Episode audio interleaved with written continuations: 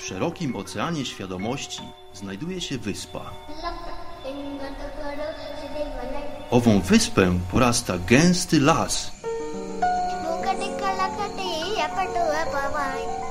W dalekiej głębi tego właśnie lasu znajduje się słoneczna polanka.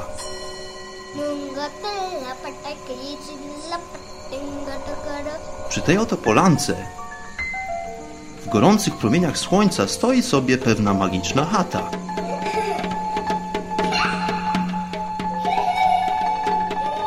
Właśnie tam żyje pewien mistyk.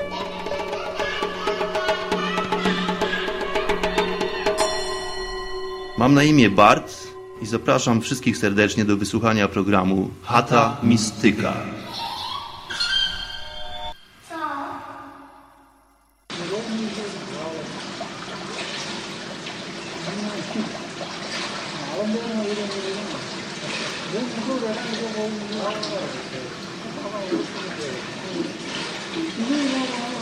Czas więc rozpocząć kolejny odcinek programu Chata Mistyka. Witam wszystkich bardzo, bardzo, bardzo serdecznie. Kłaniam się tradycyjnie nisko do pasa. Pozdrawiam wszystkich gości Chaty Mistyka. Pozdrawiam wszystkich stałych słuchaczy mojego programu. I również witam wszystkich nowych słuchaczy i wszystkich nowych gości w chacie Mistyka. Proszę się rozsiąść wygodnie, zrelaksować i natężyć słuchu, dlatego że czas rozpocząć kolejną opowieść. Moi drodzy słuchacze, robiłem sobie takie wstępne kalkulacje tuż przed nagrywaniem dzisiejszego odcinka. No i z mojej kalkulacji wynika, że ten odcinek jest odcinkiem o numerze 10. Więc z tego tytułu jest mi tutaj bardzo miło. Jestem bardzo zaszczycony, dlatego że świętujemy dzisiaj w pewien sposób mały, drobny, powiedziałbym, jubileusz. Tak więc zapraszam bardzo serdecznie do dzisiejszego odcinka. Zanim zacznę kolejne rozważania na temat świadomości oraz poszerzania świadomości, i zanim pożeglujemy na ten rozległy, rozpościerający się po horyzont ocean świadomości, ocean o praktycznie nieskończonej głębi, to pomyślałem, że może zrobię takie lekkie streszczenie tego, co wydarzyło się do tej pory, dla tych, którzy może nie wiedzą. Wszystkich nowych słuchaczy bardzo serdecznie zapraszam do mm, odwiedzania archiwów chaty Mistyka, dlatego że każdy z odcinków, które do tej pory wyprodukowałem, jest odcinkiem w pewien sposób tematycznym.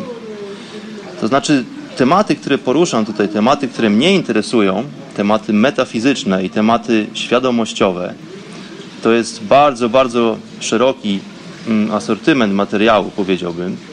Aczkolwiek staram się każdy odcinek zadedykować i tym samym zatytułować jednemu z zagadnień, jednemu z zagadnień. Więc tak jakby troszeczkę kąsamy ten olbrzymi temat, nacierając z różnych kątów.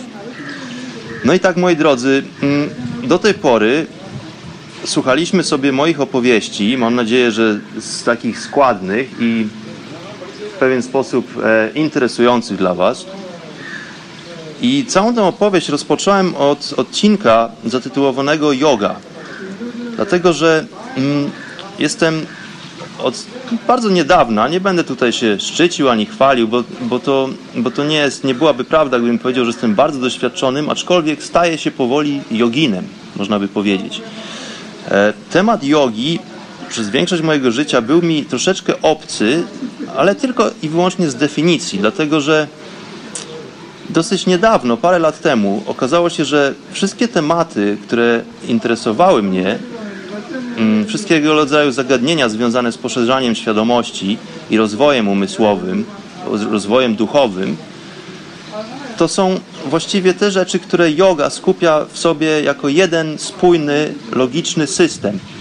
Ja do tej pory nie wiedziałem o tym. Wydawało mi się, że yoga to jest jakiś to są jakieś ćwiczenia rozciągające, że to jest jakiś system taki fitness, e, może troszeczkę jest to związane z jakąś swego rodzaju modą i stylem. Przynajmniej tak to, taki wizerunek sobie wykreowałem, no ale czas ten wizerunek mm, wymazać, kompletnie go po prostu zaprzepaścić, dlatego że e, Jestem od wielu miesięcy już w tej chwili, jak do Was mówię, słuchacze, jestem w Indiach i szkole się, dowiaduję się o prawdziwym, oryginalnym systemie jogi pochodzącym sprzed tysięcy, tysięcy lat.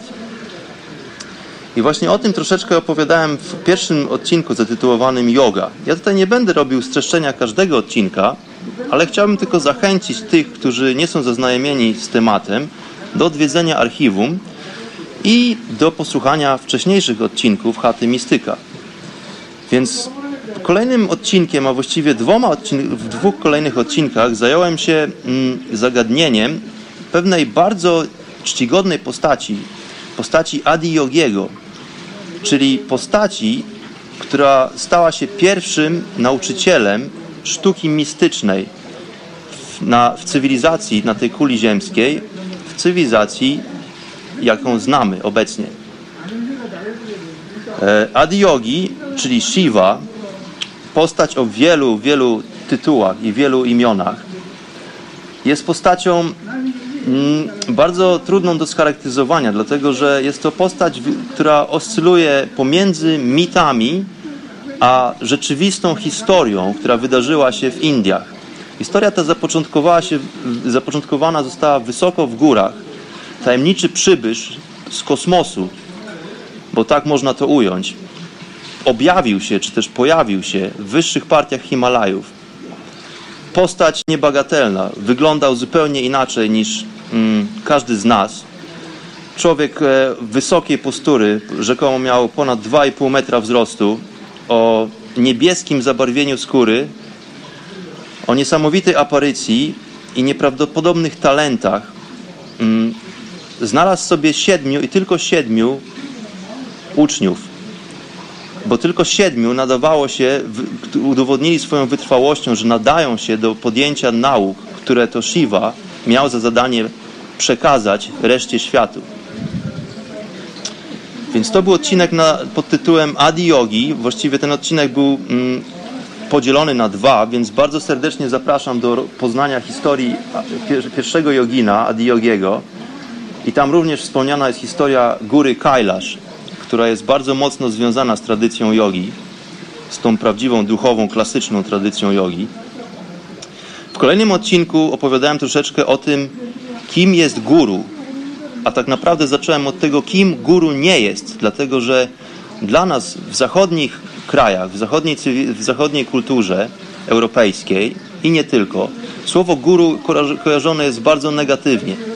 Także próbowałem troszeczkę sprostować znaczenie słowa guru i rolę guru w procesie rozwoju mm, duchowego no i w procesie, w, w procesie uczenia się jogi, dlatego że o jodze bardzo często tutaj wspominam w tych programach. Był też odcinek poświęcony jedzeniu. To nie był odcinek kulinarny, w którym, w którym tutaj się dzieliłem z wami jakimiś sprytnymi przepisami na ciasto z jabłkami. Mówiłem bardziej o jedzeniu i podejściu do jedzenia w sposób świadomościowy, w sposób świadomy. Dlatego, że jedzenie jest bardzo istotnym budulcem naszych organizmów, z czego często sobie nie zdajemy sprawy.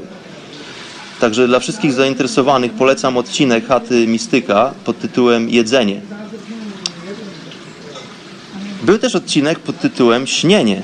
Moi drodzy, Śnienie był to odcinek australijski, dlatego że miałem zaszczyt i przyjemność bycia w Australii przez parę miesięcy, więc specjalnie dla Was, drodzy słuchacze, zmajstrowałem odcinek który opiewał historię świadomości wśród aborygenów, czyli wśród oryginalnego ludu zamieszkującego Australię.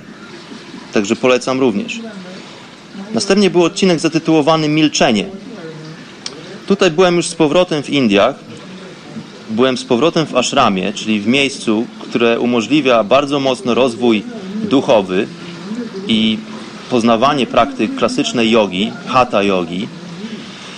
No i przechodziłem różnego rodzaju praktyki, dlatego że to całe rozciąganie i mm, maltretowanie swojego ciała z, z rana i również z wieczora, to nie jest tylko forma jakiejś tam tortury, mm, i próba przełamania po prostu swoich własnych barier.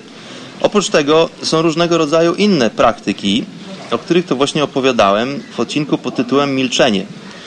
Milczenie dlatego, że przebyłem praktykę, która polegała na podjęciu milczenia poprzez trzy dni. Czyli trzy dni nie odzywałem się ani nie miałem kontaktu z nikim, ale to nie tylko, to nie była jedyna rzecz, którą robiłem, dlatego że oprócz tego, że byłem w milczeniu, że nosiłem na szyi tabliczkę z napisem silence, co po angielsku oznacza milczenie, to mój harmonogram dnia był bardzo, bardzo napięty i to dzień zaczynał się bardzo wcześnie i kończył się bardzo późno. Także jeżeli jesteście zainteresowani tym, co przydarzyło mi się podczas tych trzech dni, to zachęcam do odcinka pod tytułem Milczenie. I moi drodzy, całkiem niedawno, po, poprzedni odcinek właściwie, rozpocząłem bardzo ciekawą moim zdaniem opowieść, którą to zatytułowałem Kosmiczna zupa. Kosmiczna zupa, dlatego że troszeczkę mówiłem o tym, troszeczkę o tamtym, aczkolwiek ta zupa nadal jest na palenisku i ona nadal sobie powoli bulgocze i w dzisiejszym odcinku będziemy kontynuować opowieść kosmicznej zupy i jak sprawić, żeby ta zupa, którą gotujemy, ta kosmiczna zupa o tej metafizycznej o tym metafizycznym aspekcie, żeby była po prostu smakowita. Więc dzisiaj podejmiemy e, próbę ugotowania i dokończenia tej kosmicznej zupy. Aczkolwiek dzisiejszy odcinek już nie będzie nazywał się kosmiczna zupa, będzie nazywał się troszeczkę inaczej. Ale zanim rozpoczniemy tę opowieść, to chciałem wspomnieć też o tym, że e, całkiem niedawno, praktycznie parę dni temu, odbyło się przesilenie letnie. Jest to bardzo swoisty proces, jest to, mm, jest to pewien fenomen mm, na skalę galaktyczną, o którym warto wspomnieć. Jest to czas, w którym dzień zrównuje się, długość dnia zrównuje się z długością nocy, czyli tak naprawdę rozpoczyna się tak zwane prawdziwe lato. Tylko, że to lato, to, ten e, fenomen zachodzi tylko i wyłącznie na półkuli północnej, dlatego że na półkuli południowej w drugą stronę mm, zmienia się pora roku na zupełnie inną porę roku, czyli na porę zimową oficjalnie według astronomii. E, jest to taki swoisty czas i w tym właśnie czasie rozpoczęła się transmisja pierwszych odcinków Chaty Mistyka. Kapitan postarał się, kapitan okrętu Tomek postarał się, żeby pierwsze wydanie Chaty Mistyka właśnie zostało mm, zostało e, nadane dla Was, drodzy słuchacze, właśnie w okolicach tego czasu zrównania,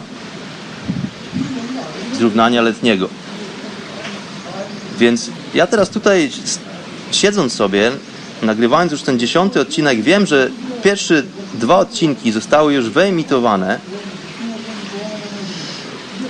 No a zanim ten odcinek do Was dotrze, to minie jeszcze na pewno parę tygodni, ale z tego miejsca pragnę bardzo serdecznie pozdrowić całą, całą ekipę radiową i nie tylko Radia na Fali, ale też Radia Paranormalium, w którym Chata Mistyka jest retransmitowana i w której znajduje się archiwum oraz radia pod tytułem Czas Snu.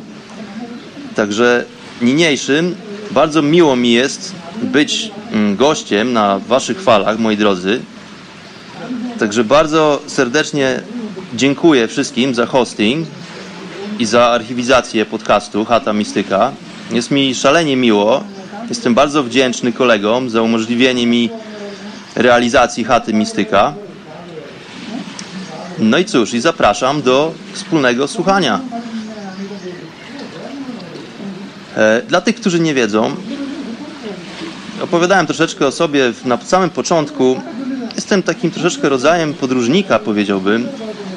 E, moje podróże odbywają się na dwóch płaszczyznach. Pierwsza to jest ta płaszczyzna fizyczna, gdzie rzeczywiście przemieszczam się w różne części naszej planety. Druga, drugi rodzaj podróży to jest podróż bardziej metafizyczna. Ta podróż zachodzi do wewnątrz mnie samego, dlatego że odkrywanie wnętrza siebie jest to jedyna droga ku poznaniu prawdy o stworzeniu i o tym, i, i jest to po prostu jedyna możliwość odpowiedzenia sobie na, na nurtujące nas egzystencjalne pytania. Mówiłem troszeczkę o tym w poprzednich odcinkach. Tutaj w programie Chata Mistyka zgłębiamy różne aspekty świadomościowe i tym samym poryża, po, poszerzamy horyzonty świadomości.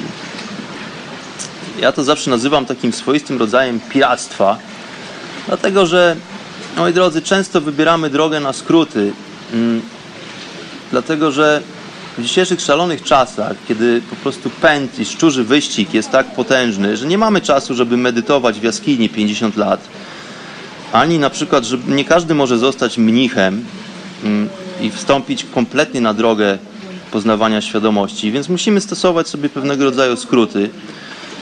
Dlatego zawsze jestem wdzięczny tym wszystkim mistrzom duchowym, którzy przebyli już tą drogę dla nas i którzy umożliwiają nam mm, poszukiwanie prawdy, i staje się to w dzisiejszych czasach dużo, dużo łatwiejsze niż było to parę setek lat temu, chociażby z tego względu na to, że mamy niesamowitą możliwość komunikowania się między sobą, głównie za pośrednictwem internetu.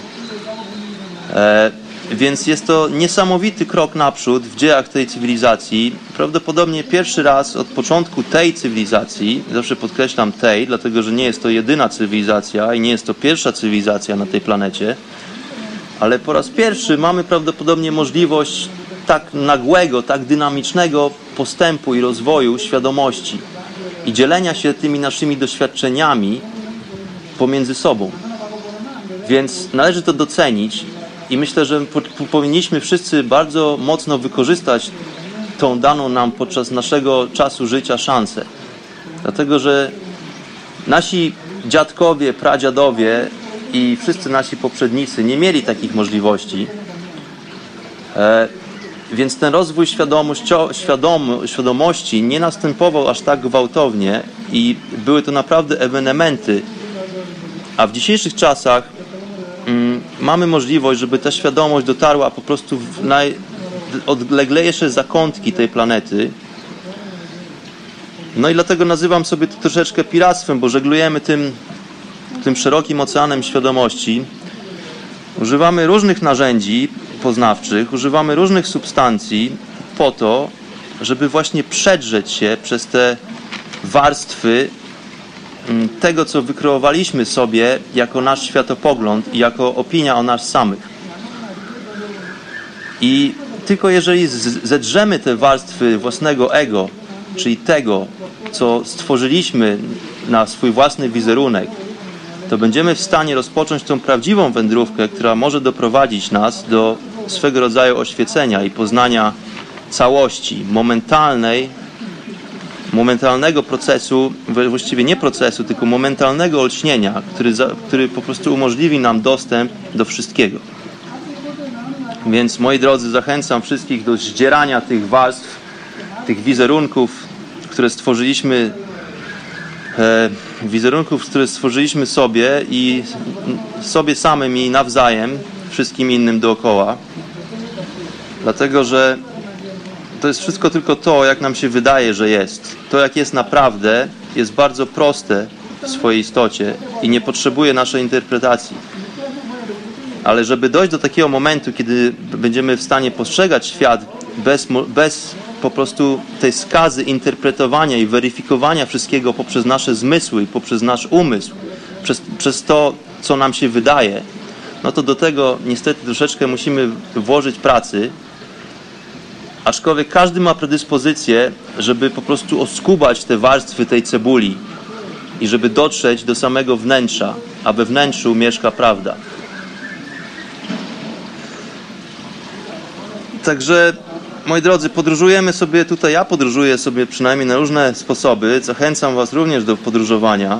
Ja wspominałem wcześniej, że warunki techniczne moich programów nie są może najwybitniejsze, dlatego że nie nagrywam tego wszystkiego na, w studio, w cichych warunkach, wręcz przeciwnie. Jestem zwykle na zewnątrz albo zamknięty w jakichś małych e, przestrzeniach toaletowych, tam gdziekolwiek po prostu jest cicho.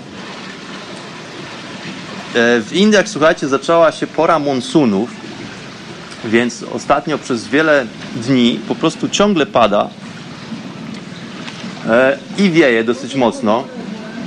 Dzisiaj akurat tej chwili, jak do Was mówię, jest bardzo słonecznie, więc wykorzystuję okazję. Wyszedłem sobie przed chatę mistyka i siedzę sobie przy strumyku, co zapewne słychać. Tutaj pluskanie, na pewno słychać pluskanie wody. I w strumyku tapla się paru wesołych joginów. Zapewne słychać również ich głosy. Co jeszcze słychać? Na pewno słyszycie troszeczkę wiatru. Tak jak mówiłem, podczas pory monsunowej jest dosyć wiecznie i czasem nie pada.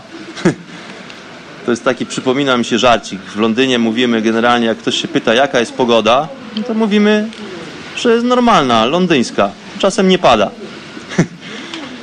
Więc dzisiaj właśnie też jest taki czas, że właśnie nie pada. Więc postanowiłem wykorzystać tą lukę w monsunie i wyszedłem sobie na zewnątrz przed strumyczek.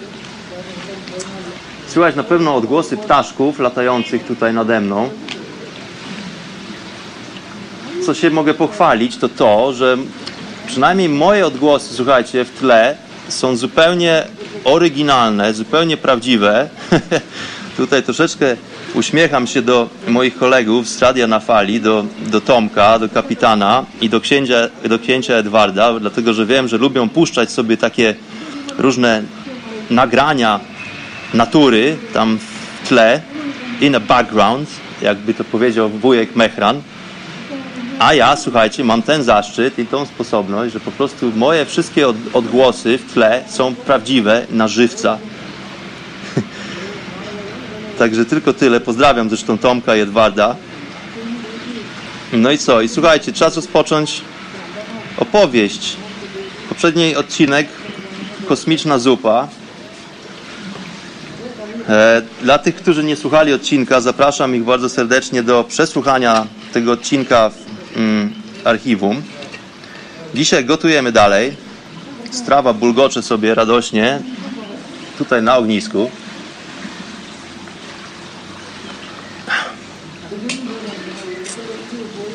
No ale co wydarzyło się w odcinku zatytułowanym Kosmiczna Zupa? Więc mówiliśmy troszeczkę o, o limitacjach limitacjach, jakie sprawia nam nasza forma ludzka. Nasza forma ludzka, czyli po prostu sposób, w jaki istniejemy tutaj na planecie. E, tak jak wspomniałem wcześniej, człowiek to nie jest tylko ciało fizyczne. Ciało fizyczne notabene to jest tak zwane, w tradycji jogini nazywają to ciałem pożywieniowym, czy też może ciałem żywieniowym.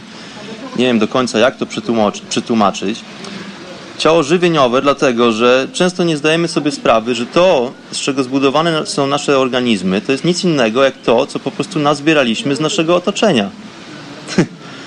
Moi drodzy, to nie jest naprawdę nic dodać, nic ująć, nic innego, jak tylko to, co włożyliśmy do swoich ust, co przeżuliśmy, połknęliśmy, przetrawiliśmy i co stało się naszą energią, naszym materiałem budulcowym. To jest wszystko po prostu, to są kawałki, to są cząstki naszej mamy planety.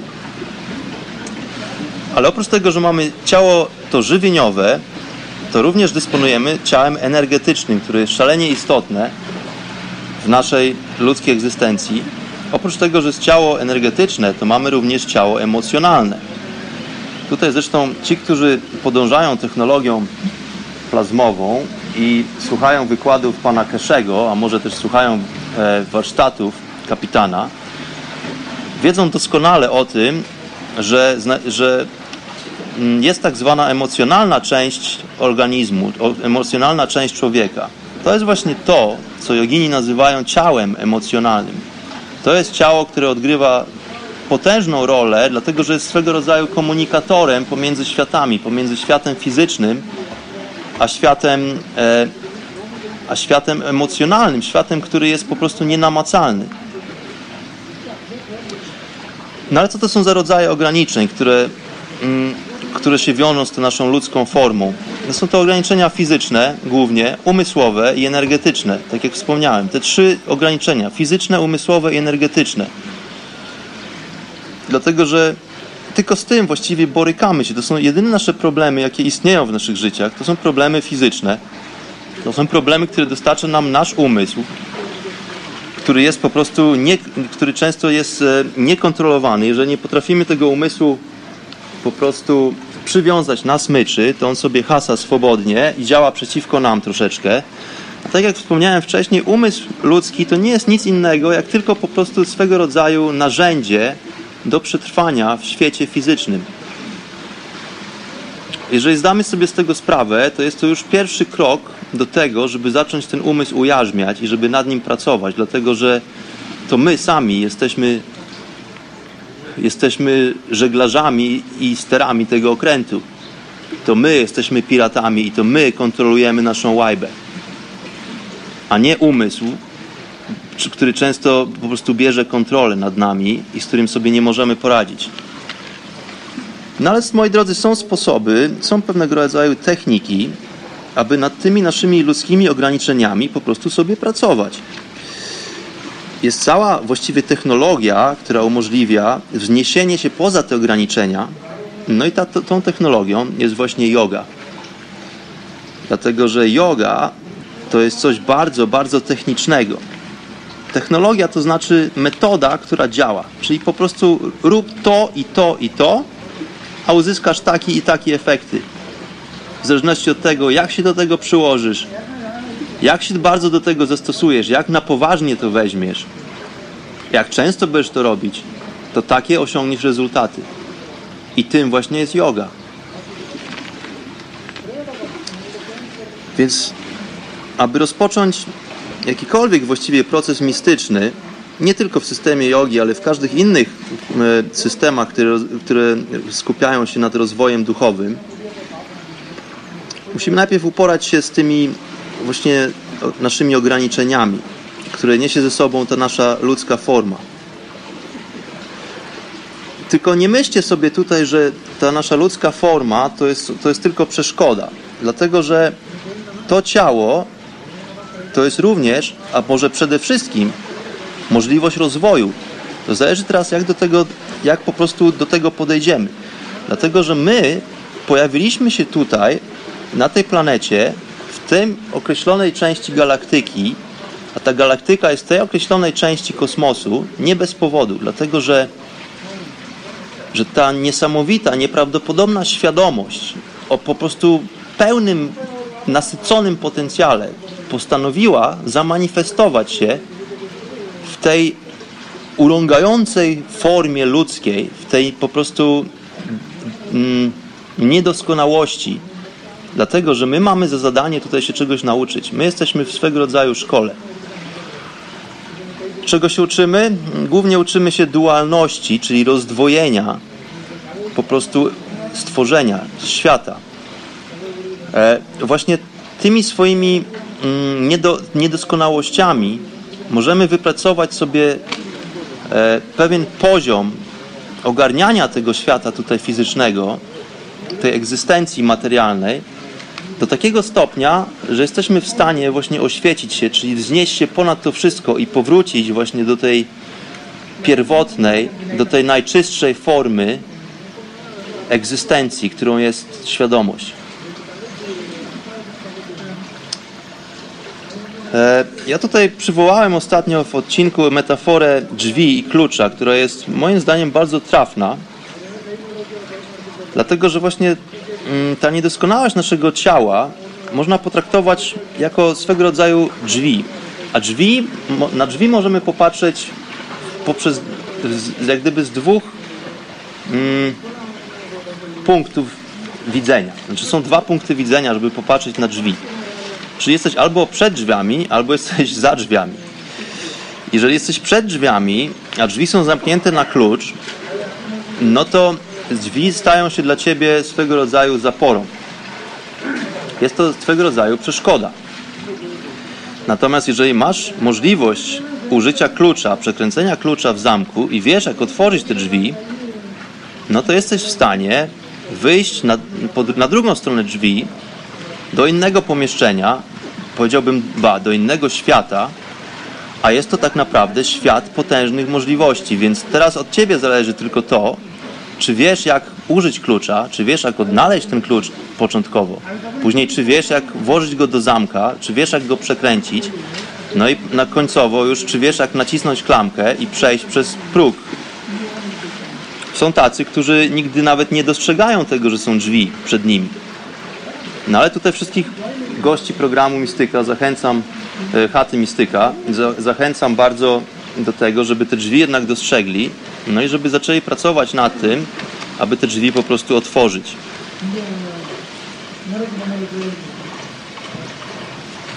I drodzy, wspomniałem troszeczkę o informacji. O tym, czym jest informacja we wszechświecie, w jaki sposób istnieje, jak ją odczytywać. E, tutaj już zacząłem wytaczać dosyć mm, poważną artylerię, grube działa, tak naprawdę wytoczyłem na burtę naszego pirackiego okrętu. To już są sprawy, które wymagają troszeczkę uwagi i również uważności, dlatego że wykraczamy już no, po prostu na takie obszary oceanu, że tutaj już nie można posługiwać się za bardzo logiką, czyli tym, co mm, jest naszym narzędziem na co dzień, podczas dnia codziennego, logika. Słuchajcie, sprawy, to to wszystko trzeba zostawić jak gdyby w tyle. Sprawy metafizyczne, czyli te, które są ponad fizycznością, są ponad logiką i ponad umysłem, wymagają troszeczkę innej metody. E, tak jak wspomniałem, umysł jest tylko takim narzędziem, które służy do przetrwania w naturze fizycznej. To jest tylko zespół naszych doświadczeń, które nagromadziliśmy podczas istnienia. To jest to, co nauczyliśmy się e, podczas naszego rozwoju jako dzieci, następnie jako już dorośli ludzie. Stworzyliśmy sobie pewne opinie na różne tematy, na te opinie stają się bardzo często barykadą i przeszkodą do poznania rzeczy samej w sobie. E, dlatego, jeżeli chcecie pogłębiać świadomość, to musicie porzucić te wszystkie schematy myślenia logicznego, dlatego że one daleko was nie zaprowadzą. E, no, głównie poznanie metafizyczne polega na, na zasadzie tak zwanego olśnienia, Powiedziałem o tym troszeczkę w poprzednim odcinku. Olśnienie polega na momentalnym, powiedziałbym, dostępie do całości. To nie, to nie jest jakaś forma studiowania, czytania książek przez wiele lat. To jest po prostu, to jest chwila, moment. Mm, to jest taka zupka ekspresowa, którą wsypujesz do kubka, zalewasz gorącą wodą i ona jest. E, dlatego, że po prostu to jest jedyny sposób dotarcia, połączenia się z główną bazą informacji, powiedziałbym. W ten sposób funkcjonowało i nadal funkcjonują największe umysły e, w historii tej cywilizacji. Ja wspomniałem w poprzednim odcinku Nikola, e, o, o, panu Nikolaje, Nikolai Tesli. Nazwisko, które na pewno jest bardzo znane powszechnie słuchaczom radia na fali, słuchaczom radia Paranormalium. E, również wspomniałem o pewnym hinduskim matematyku, który to nie jest zbyt często wspominany w naszej historii z paru powodów. Jego imię jest dosyć ciężkie do wymówienia i zapamiętania. Miał na imię Srinivasa Ramanujan. Pan Srinivasa Ramanujan był nieprawdopodobnym umysłem matematycznym. To znaczy, on był nieprawdopodobnym umysłem, powiedziałbym, człowiekiem oświeconym, ale E, językiem, który, którym się posługiwał, aby przekazywać swoją wiedzę, była matematyka. To jest pan, który opisał swoimi formułami matematycznymi całość funkcjonowania kosmosu, opisał w, szczeg w szczegółach mm, to, czym są czarne dziury, w jaki sposób funkcjonują czarne dziury w kosmosie. E, był taki okres podczas, podczas właściwie końcówki swojego życia, on e, popłynął do, do Anglii, spędził troszeczkę czasu w Cambridge na uniwersytecie gdzie próbowano rozszyfrować jego formuły matematyczne, no z dużym niepowodzeniem powiedziałbym, dlatego że po prostu poziom jego intelektu był tak potężny, że nawet ci, ci szanowni profesorzy mm, po prostu nie podążali za bardzo za jego tokiem rozumowania. E, wymagali od niego udowadniania długimi, formu, długimi równaniami, jak doszedł do wniosków. Natomiast był to człowiek, który miał po prostu problem z tym całym, z przebyciem tego całego procesu, dlatego że on widział już po prostu wynik końcowy. On miał, on było bardzo trudno dla niego po prostu usiąść i napisać e, setki stron, bo to dosłownie były setki stron notatników, równań, po to, żeby udowodnić, jak doszedł do, po prostu do końcowego wyniku. No, a, a panowie po prostu podważali wiarygodność jego, e, wiarygodność jego, mm, jego równań, jego formuł matematycznych, dlatego że nie było poprzedzającego go procesu. I do tej pory, słuchajcie, grube głowy, tęgie głowy matematyczne próbują rozszyfrować to, co on zostawił w swojej spuściźnie. On, on zmarł dosyć wcześnie, e, ale zostawił po prostu tony zapisków, tony notatników. Zresztą tak samo jak Tesla, tylko że te prace Tesli zostały po prostu ukradzione przez e, rząd Stanów Zjednoczonych. Ja myślę, że historia konspiracyjna w przypadku pana Testi jest wszystkim doskonale znana. Troszeczkę z tego się udało odratować, natomiast większość prac Tesli, które po prostu to, to, które, to były tony notat, notatek pochowane gdzieś w jakichś skrzynkach, w kufrach, to po prostu wszystko zniknęło, to wszystko przejęło FBI. Tutaj w przypadku pana Ramon Jana ponieważ ten język, którym się posługiwał, język matematyki, nie jest e, tak powszechnie dostępny dla każdego, więc te jego zapiski większość z nich przetrwała, no ale do tej pory po prostu e, następują próby rozszyfrowania tego, co on tak naprawdę tam napisał w tych notatkach. Ale moi drodzy, można by wymieniać wiele takich oświeconych istot, które miały wgląd e, w tą taką główną bazę danych. A e, tutaj jeszcze warto wspomnieć, że Nikolaj Tesla kiedy zaczął e, opisywać te wszystkie fenomeny związane z naszą egzystencją, ze stworzeniem wokół nas i nas samych, doszedł do takiego miejsca, gdzie zaczął mieć problemy z nazywaniem po prostu tego, nad czym pracuje. Nie było w e, języku fizyki ani matematyki po prostu takich definicji, które opisywałyby to, nad czym on pracował. I słuchajcie, taka ciekawostka. Mm, pan Tesla spotkał się z, pewnie, z pewnym mnichem pochodzącym z Indii. E, to było pod koniec XIX wieku. Ten mnich pochodzący z Indii nazywał się Swami Vivekananda. Bardzo znacząca postać w rozwoju, mm, w rozwoju systemu jogi i w, w, rozwo- w pogłębianiu świadomości tutaj w Indiach.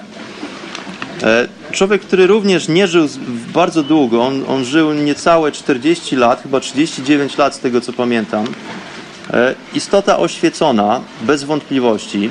Człowiek, który pozostawił po sobie mnóstwo, mnóstwo mm, informacji, miał mnóstwo uczniów, ale pod koniec swojego życia dokonał podróży do Stanów Zjednoczonych, właśnie pod koniec XIX wieku.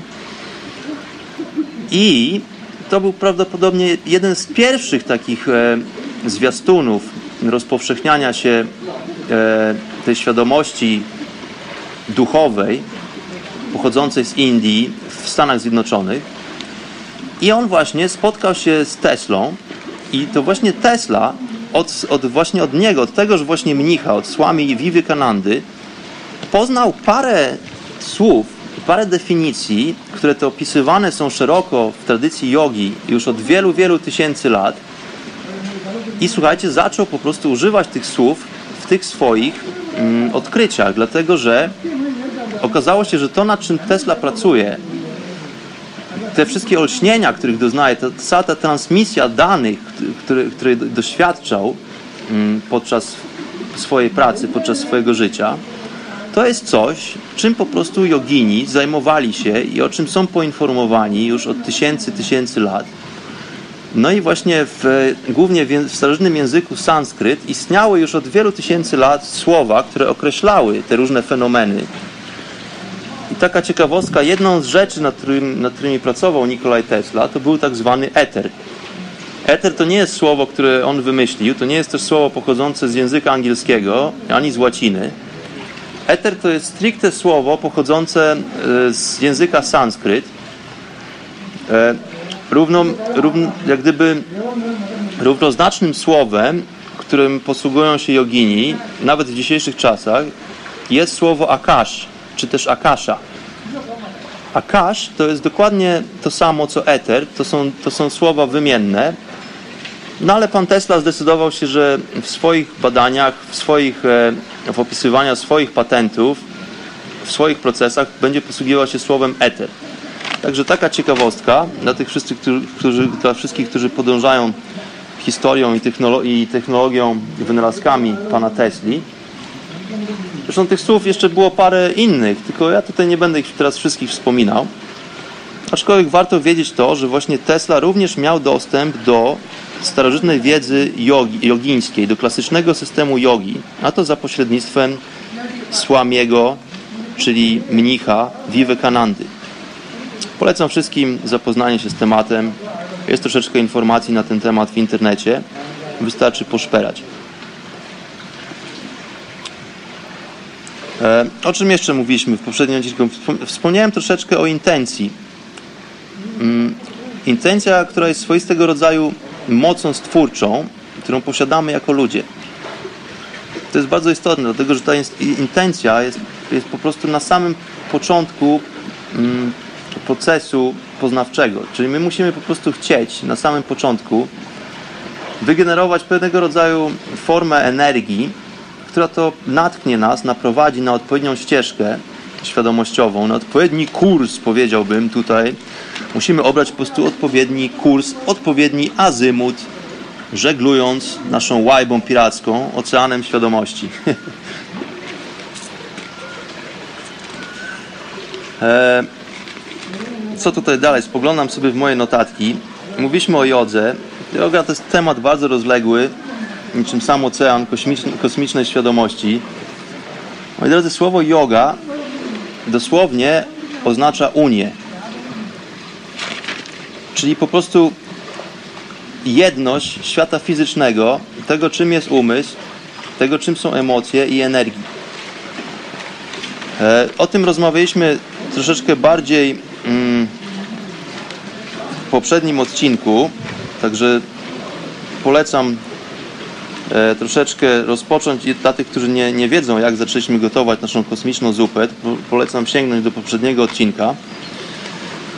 A my tymczasem, słuchajcie, doszliśmy w naszych rozważaniach do takiego momentu, kiedy powiedziałem, że cała ta kosmiczna zupa, cały kosmos i to, kim my jesteśmy i z czego my jesteśmy stworzeni, to jest nic innego jak tylko i wyłącznie pięć elementów. Czyli jest to swoistego rodzaju porządek i swoistego rodzaju konfiguracja tylko i wyłącznie pięciu elementów. I teraz w zależności od tego, jak te elementy występują, w jakich proporcjach i w jakiej jakości, od tego zależy, jak manifestuje się materia. Tada! Więc w dzisiejszym odcinku zatytułowanym Pięć elementów będziemy po prostu dalej tutaj mm, będę opowiadał nadal dalszy ciąg e, tego zagadnienia pięciu elementów. Pięć elementów to jest e, nic innego niż to, co znamy w naszej tradycji, mm, w naszej tradycji europejskiej jako tak zwane cztery żywioły, czyli woda, ogień, ziemia, ziemia i powietrze. Tylko, że z jakiegoś powodu ktoś bardzo mocno postarał się, żeby po prostu kompletnie zawieruszyć, schować piąty element, który jest tak naprawdę najbardziej, można by powiedzieć, powszechny. Nie powiedziałbym najbardziej znaczący, dlatego że wszystkie te elementy są równoznaczne, co chodzi o gotowanie kosmicznej zupy. Aczkolwiek ten piąty element, jak się za chwilkę przekonacie, jest tak naprawdę najbardziej obecny E, no i czymże jest ten piąty element? Tutaj już nie będę Was dłużej trzymał w niepewności, drodzy słuchacze, ten piąty element jest po prostu niczym. tak, moi drodzy, piąty element to jest po prostu nic. To jest pustka, to jest kompletny niebyt. Więc mamy wodę, ogień, ziemię, powietrze i kompletną pustkę. I ta pustka to nie jest coś, co powinniśmy pominąć, dlatego że, te, że tego nie ma, bo to, że tego nie ma, to nie oznacza, że tego nie ma, że to nie jest. Tutaj właśnie musimy schować w kieszeń naszą logikę, moi drodzy. Ta pustka, o której mówię, ten niebyt, e, to jest, to jest rozpo, e, rozpościągająca się, nieprawdopodobnie nasycony potencjał możliwości. Czyli to nie jest jeszcze nic, co zamanifestowało się w konkretnej formie fizycznej, ale to jest coś, co ma możliwość przemienienia się w pewien magiczny sposób w cokolwiek. Z tej, z tej pustki możemy powołać do istnienia, czy też powołać nawet do życia wszystko inne za pośrednictwem pozostałych czterech elementów.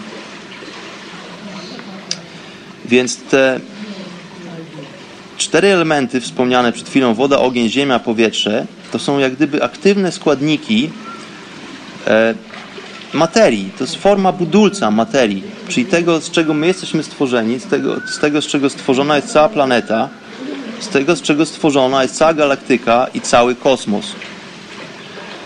Piąty element, tak zwana przestrzeń lub eter, właśnie o którym przed chwilą wspomniałem, to jest swego rodzaju katalizator. Czyli te cztery żywioły pełnią określone funkcje w bardzo ścisłej zależności od tego piątego elementu, czyli od, tej, od tego eteru, od tej pustki.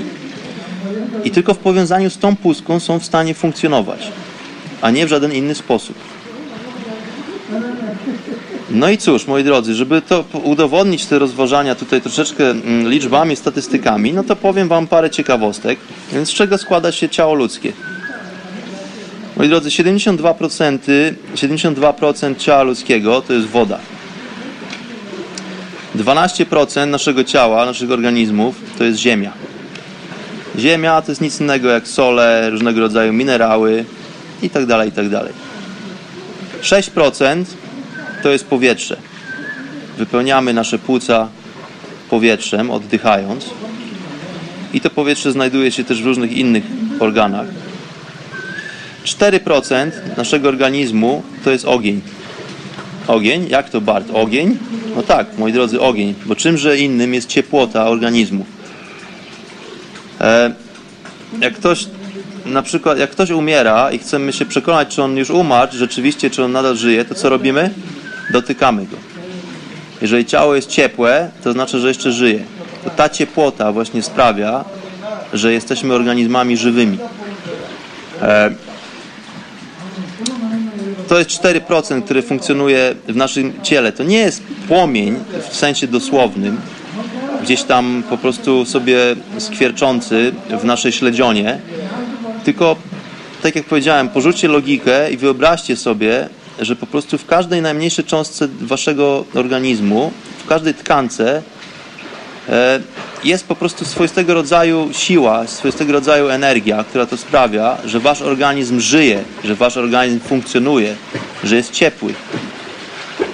Więc mm, woda, ziemia, powietrze i ogień to jest to, a reszta to jest przestrzeń.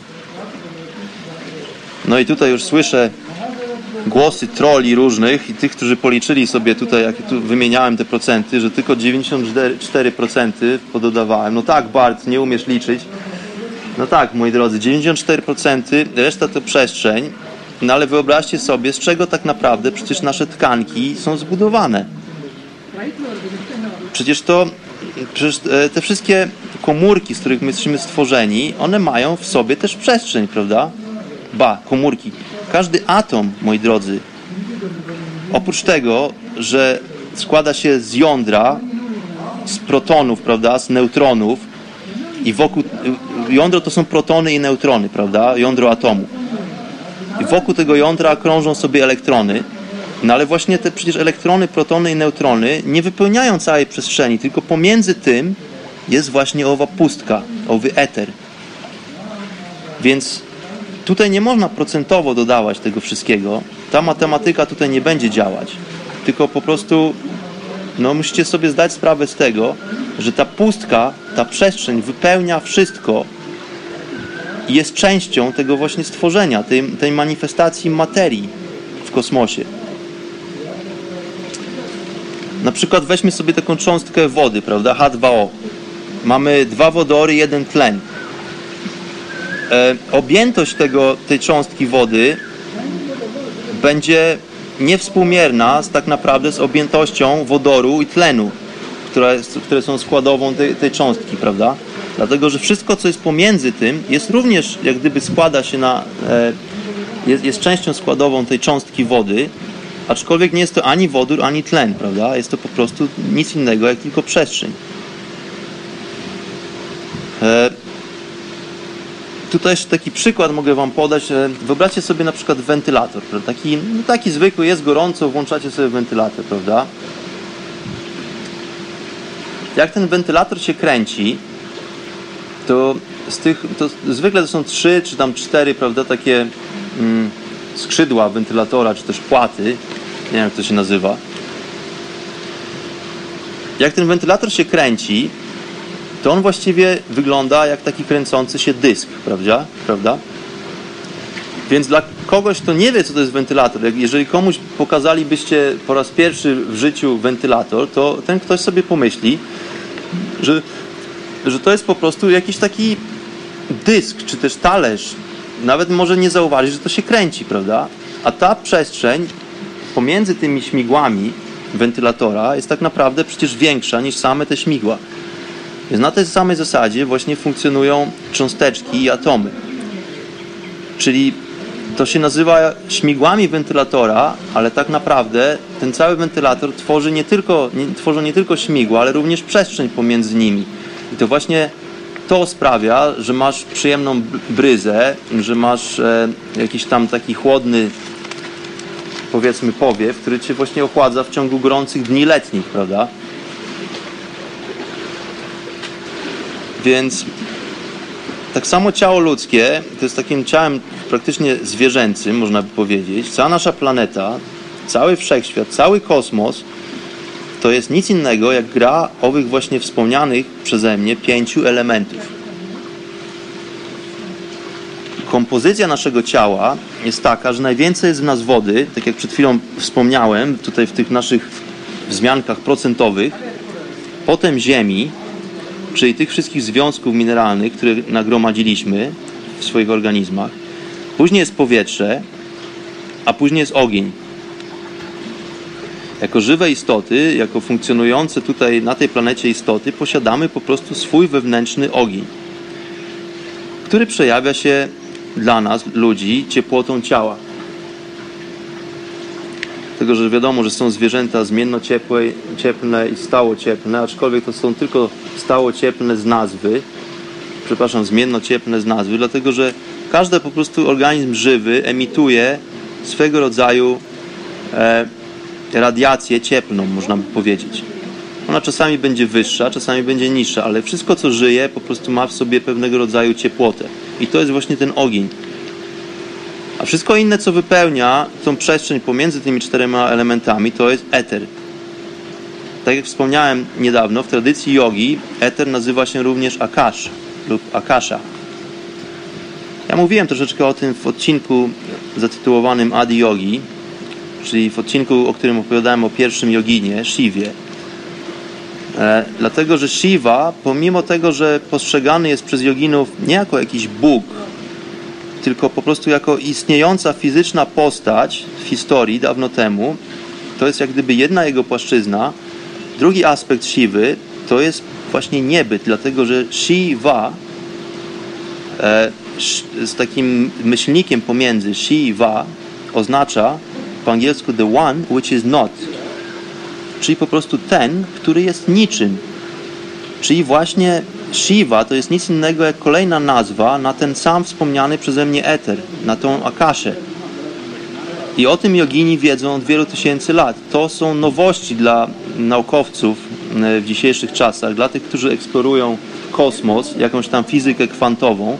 Oni dochodzą do tych samych wniosków, o których po prostu jogini, siedząc na słomianych matkach, królowie słomianych mat, jak, jak, jak to ich nazywam, oni po prostu o tym wiedzieli już 15 tysięcy lat temu.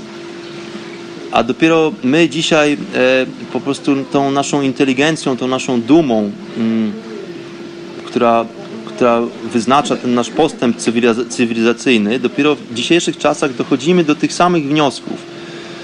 Tylko na, w zupełnie inny sposób i nie potrafimy sobie tego nazwać. Dlatego, że my próbujemy obserwować wszystko, co jest na zewnątrz nas, jako cywilizacja zachodnia.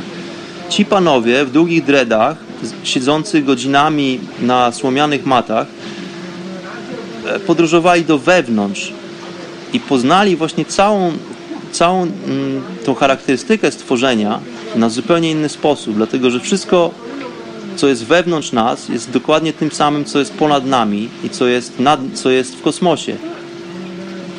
Dlatego jeżeli będziesz eksplorował to, co jest na zewnątrz ciebie, to nie starczy ci nigdy czasu i życia na to, żeby po, po prostu cokolwiek się dowiedzieć, żeby poznać to, w jaki sposób funkcjonuje świat, w jaki sposób istnieją gwiazdy, czarne dziury. Jeżeli chcesz poznać to, to, mo to może to nastąpić tylko w jeden, jedyny gwałtowny sposób, jeżeli rozpoczniesz wędrówkę do wewnątrz. A ta wędrówka następuje w kompletnej ciszy, w kompletnym odosobnieniu. E, moi drodzy, the one which is not, czyli ten, który jest niczym, Shiva, owa pustka, czy też eter, czy akasha, tak jak powiedziałem, jest to, swoistego form, jest to swoista forma niebytu, ale niebytu o maksymalnym, nieograniczonym potencjale możliwości. Czyli to jest niebyt, który ma nieskończoną możliwość przekształcenia się właściwie w coś, czyli po prostu w materię. No i znowu o naukowcach. Tutaj w dzisiejszych czasach naukowcy dochodzą do tych samych wniosków, bardzo podobnych do tych, które jogini mieli już po prostu dawno, dawno temu. Wspomniałem tutaj o czarnych dziurach. Czarna dziura to jest nic innego jak to, co właśnie w tradycji jogi nazywane jest również Shiva, czyli nie jako jedno spójne słowo Shiva, tylko dwa jak gdyby człony z, z takim myślnikiem pomiędzy Shiva. To, to jest słowo pochodzące z języka sanskryt. E, czarne dziury to jest, to jest nic innego jak po prostu totalna pustka, która jest tak gęsta, jest, ta pustka jest tak gęsta, że zasysa do siebie jakąkolwiek materię. Czyli wszystko, co jest w pobliżu, w sąsiedztwie tej nieskończonej, niezgłębionej pustki jest po prostu absorb, absorbowane, zasysane do środka, dlatego że ta pustka cały czas stara się pojednać ze wszystkim, ze wszystkim innym stara się stać jednością. Ale moi drodzy słuchacze, powróćmy do naszej kosmicznej zupy. Dodajmy tu jeszcze parę składników. Aby nasza zupa była smakowita, tak jak powiedziałem, musimy użyć wszystkich składników. No i oprócz tego, że mamy już składniki na zupę, no to musimy dodatkowo wiedzieć, jakich użyć i w jakich proporcjach, prawda? No i tutaj właśnie w tym momencie z kucharzy zamieniamy się, moi drodzy, w alchemików. Czyli zmieniamy, zamieniamy czapkę kucharską na czapkę alchemiczną. No ale zanim zabierzemy się za cokolwiek z dziedziny mistycyzmu, czyli tego, co wykracza ponad świat pojmowany tylko poprzez zmysły fizyczne, jest bardzo istotne, żebyśmy byli w stanie ustabilizować owe pięć fundamentalnych elementów nas samych. Dlatego, że cały proces alchemiczny zawsze musimy rozpoczynać od nas samych. Moi drodzy, alchemik jest zawsze częścią procesu, jest zawsze częścią doświadczenia.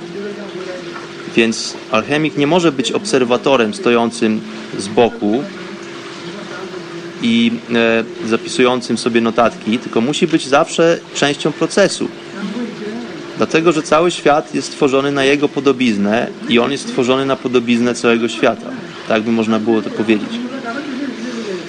Więc, więc na czym polega proces szeregowania tych pięciu elementów? Jest to swego rodzaju proces oczyszczania owych elementów. W technologii jogi ten proces nazywa się znowu z języka sanskryt buta shuddhi. Ja wiem, że tu używam dużo takich magicznych różnych słówek. One tylko brzmią magicznie, dlatego że one nie pochodzą po prostu z naszych europejskich języków. Ale tak jak powiedziałem wcześniej, nie ma jak gdyby odpowiedników w słownikach europejskich takich zagadnień, o których tutaj mówię. Więc myślę, że tutaj te parę, ta szczypta magiczna do zupy tylko po prostu sprawi, że ona będzie bardziej smakowita. Więc proces ten oczyszczania pięciu elementów nazywa się procesem Buta Shuti. Jest to jak gdyby podwalina wszystkich praktyk duchowych związanych z jogą. E, od tego zaczyna się właściwie cała podróż. Te wszystkie, to całe, te całe wyzwania związane z rozciąganiem i z, czy też z ze wstrzymywaniem oddechu, z medytacją i z różnego rodzaju E, mantrami wypowiadanymi w odpowiedni sposób. To są, to są jak gdyby okolicznościowe tematy. Cała yoga bazuje i wywodzi się właśnie od momentu, w którym jesteśmy w stanie rozpoznać jesteśmy w stanie zacząć porządkować i tym samym oczyszczać owe pięć elementów.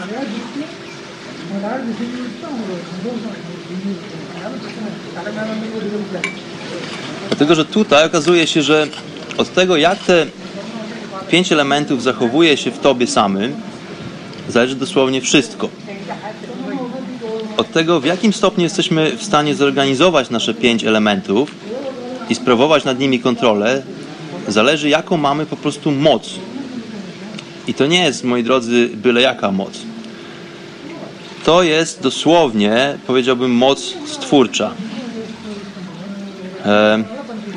Wszystko, co człowiek chce stworzyć, czyli w pewnym sensie powołać do istnienia, czy to w sferze materialnej, czy tylko jako myśl, prawda, musi najpierw w pewien sposób zamanifestować się w umyśle.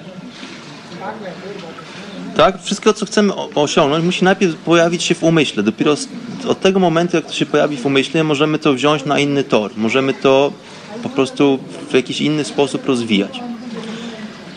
Więc ta moc alchemiczna teraz zależy od tego, w jakim stopniu kontrolujemy ten materiał budulcowy, czyli owe pięć elementów. I od tego zależy, jak smakowita będzie nasza zupa, tak naprawdę. Więc e, cały proces uzdatniania, czy też oczyszczania elementów nas samych, ma za zadanie uwolnić nas od natury fizyczności, czyli od tych wszystkich ograniczeń, o których wspomniałem na samym początku to właśnie prowadzi do pewnego rodzaju synchronizacji owych pięciu elementów. E, ja tutaj wspomniałem wcześniej o ograniczeniach, które wiążą się z naszą, z naszą ludzką formą. Tutaj też warto wspomnieć, że większość ludzi boryka się właściwie tylko z dwoma rodzajami problemów w życiu. Są albo kontrolowani e, są, to, są to dwa rodzaje impulsów, też można by powiedzieć. Są, są, są ludzie kontrolowani przez procesy albo fizjologiczne, albo psychologiczne, albo przez obydwa, prawda? No nie ma właściwie innego rodzaju problemów, z którymi się borykamy. Czyli albo fizjologiczne, albo psychologiczne problemy. Fizjologia to jest, tak jak powiedziałem wcześniej, to jest nic innego, jak tylko to, co pozbieraliśmy z własnego otoczenia i właściwie później tylko to, co z tym robimy. Czyli co się z tym wiąże? A z tym się wiąże, moi drodzy, to na przykład jak jemy, w jaki sposób siedzimy, jak się poruszamy, czy w ogóle, czy w ogóle się poruszamy. Wiem, że są tacy, którzy się poruszają mało lub niewiele. No i to jest całość, to jest całość, całość, całość po prostu naszego funkcjonowania. To jest też coś, coś, co kiedyś dawno temu nazywało się e, z języka starofrancuskiego, a wcześniej z języka łaciny dietą.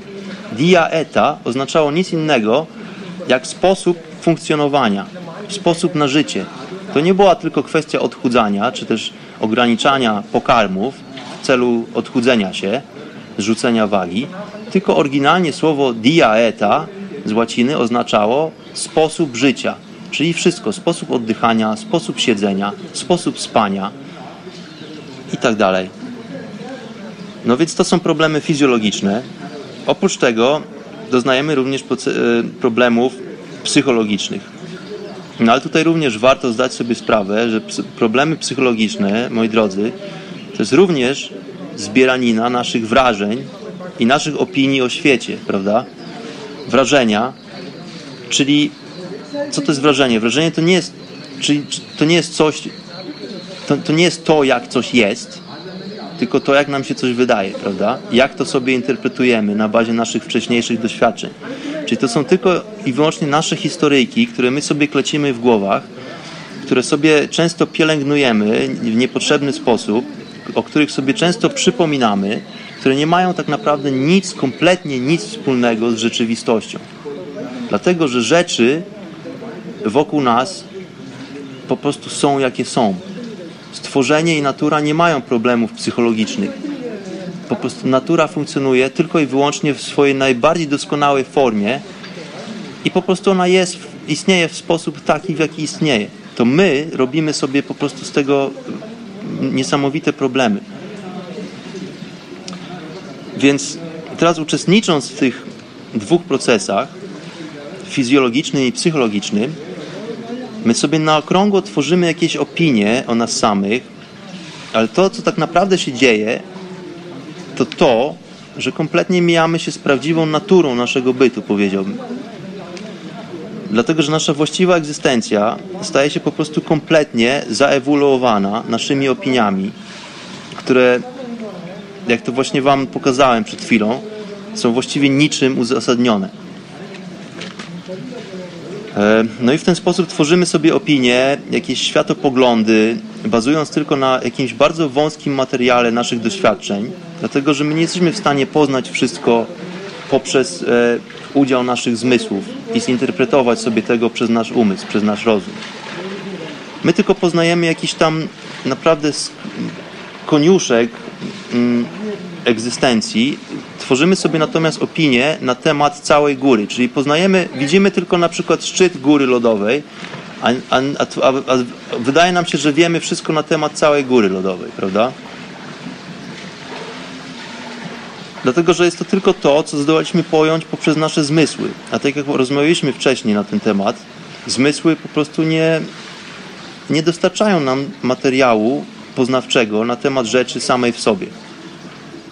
Zmysły pozwalają nam tylko i wyłącznie przetrwać w tym świecie fizycznym, czyli zapewnić sobie pożywienie, schronienie, e, w jakiś sposób komunikację pomiędzy nami. Natomiast jeżeli chcemy wznieść się ponad te ograniczenia i mieć dostęp do wymiarów, które wykraczają poza nasze doświadczenia zmysłowe, mówię tutaj o wymiarach, które nazywane są mistycznymi, to musimy rozpocząć od oczyszczenia owych właśnie pięciu elementów w nas samych. Czyli jeżeli chcemy cokolwiek oczyścić wokół nas samych, to musimy mieć pewność, że nasze ręce są czyste przede wszystkim, prawda? I to jest w pewnym stopniu umiejętność e, programowania nas samych, kiedy te elementy są właśnie uzdatniane do działania w taki sposób, w jaki chcemy, aby te elementy działały. Czyli tutaj pojawia się właśnie ten, to zagadnienie intencji. I wtedy właśnie widzimy, widzimy wyraźną różnicę pomiędzy tym, co fizyczne, tym, co psychologiczne, a tym, co egzystencjalne. Czyli istniejące, egzystencjalne, czyli istniejące po prostu samo w sobie. No i tutaj, moi drodzy, zaczniemy proces oczyszczania tych pięciu elementów. Więc y, zacznijmy proces od oczyszczania wody, dlatego że jest to najbardziej powszechny element, nie tylko w nas samych, ale również na planecie, którą tutaj zamieszkujemy, której jesteśmy częścią. Większa część naszych organizmów zbudowana jest z wody, dlatego musimy szczególnie obchodzić się z wodą, którą pijemy, dlatego że ona jest po prostu niezbędna do życia. I tutaj, jak mówię, o tym, żeby się obchodzić w sposób szczególny z wodą, to nie chodzi za bardzo o czystość wody w sensie mm, zawartości bakterii czy też chemikaliów w wodzie pitnej. Wiadomo, że to jest istotne, aby pić wodę czystą, e, nie, nie, nie zanieczyszczoną chemikaliami. Mówię tutaj o czystości energetycznej, moi drodzy. Woda jest bowiem e, podatna na myśli, na emocje, czy nawet na dotyk, które Tak, tak, moi drodzy, myśli, emocje i dotyk. To te czynniki są w stanie zmienić nie tyle strukturę chemiczną wody, ale są w stanie zmienić wodę na poziomie molekularnym. I to właśnie ma wpływ na to, jak woda zachowuje się później w naszych organizmach. Oprócz tego, że woda ma pamięć, wszystko, co dzieje się z wodą i w jej otoczeniu, jest zapisywane na płaszczyźnie molekularnej, na zasadzie takiego, można by powiedzieć, twardego dysku. Dlatego bardzo istotne jest, jak obchodzimy się z wodą, bo jest to, tak jak wspomniałem, przecież źródło życia. Więc e, bardzo ważne jest zatem, jak traktujemy wodę, zanim pojawi się ona w naszych, organi w naszych organizmach. A tutaj bardzo istotne jest też to, jak tą wodę przechowujemy. W jakim naczyniu na przykład. Ja wspomniałem wcześniej, że najlepiej przechowywać wodę w naczyniach miedzianych. Czyli jeżeli mamy taką opcję, to bardzo wszystkim gorąco polecam zakupienie miedzianej butelki albo miedzianego dzbanka. Są takie produkty dostępne, e, można kupić je poprzez internet, chyba najprościej. Zamówić po prostu nie są to bardzo drogie produkty, dlatego że miedź nie jest aż tak droga. Ma, miedź ma niesamowite walory energetyczne, oprócz tego ma, ma jeszcze dodatkowo efekt taki, że jest, miedź jest bakteriobójcza, dlatego rurki e, w instalacjach wodnych w domach są też miedziane, bo woda przepływając przez miedź po prostu mm, gubi mnóstwo bakterii, które mogą być nieprzyjazne dla, naszych, dla naszego systemu. Więc najlepsze są e, naczynia miedziane. Tutaj w Indiach, gdzie jestem, jest to bardzo powszechne, różnego rodzaju miedziane kubki, dzbanki, butelki. Ja tutaj mam nawet obok siebie taką miedzianą butelkę, z której właśnie się niniejszym napiję, napiję łyczka. Mam nadzieję, że pozwolicie mi. Tutaj odkręcam niniejszym butelkę.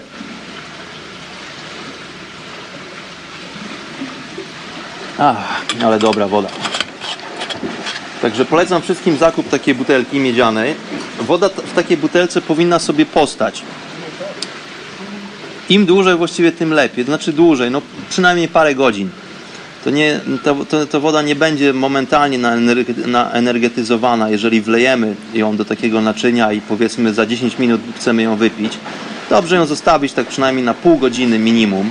Tak naprawdę na parę godzin jak lubicie zimną wodę, to w lodówce, żeby ona sobie po prostu stała. Yy, dlatego, że w tym czasie właśnie następuje ten proces energetyzowania wody. Też istotne jest to, żeby ta woda, stojąc sobie w naczyniu, miała wokół siebie pewną przestrzeń. Czyli żeby nie była na przykład ciasno zapakowana pomiędzy innymi produktami w lodówce, żeby nie była w kontakcie z jakimiś innymi zapachami albo substancjami, tylko po prostu, żeby ona sobie stała w jakiejś swojej określonej przestrzeni i sobie tam się energetyzowała. No i teraz co robimy dalej, żeby oczyścić ten element wody? Więc dobrze jest e, podtrzymać taką, takie naczynie miedziane najlepiej w rękach, więc co robimy? Trzymamy to naczynie w rękach na wysokości serca, dlatego że tutaj w tym miejscu znajduje się tak zwana czakra serca, czyli swoistego rodzaju skrzyżowanie energetyczne w naszym ciele energetycznym.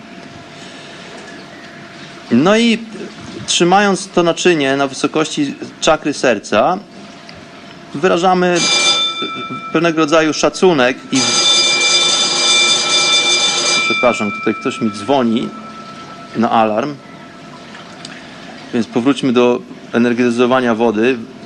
Trzymając tą wodę e, na, wysoko, na wysokości czakry serca w naczyniu, po prostu w myślach lub nawet szepcząc możemy po prostu wyrazić szacunek i wdzięczność dla wody, która jest po prostu materiałem, który sprawia życie i która to życie podtrzymuje. Więc warto sobie z tego najzwyczajniej w świecie zdać sprawę i po prostu tej wodzie podziękować za to. Można to zrobić po cichu, można to zrobić w myślach. Mm, najlepiej to zrobić z zamkniętymi oczami. I ten sam proces powtarzamy tuż zanim wypijemy wodę. Czyli energetyzujemy tą wodę i odstawiamy ją na parę godzin.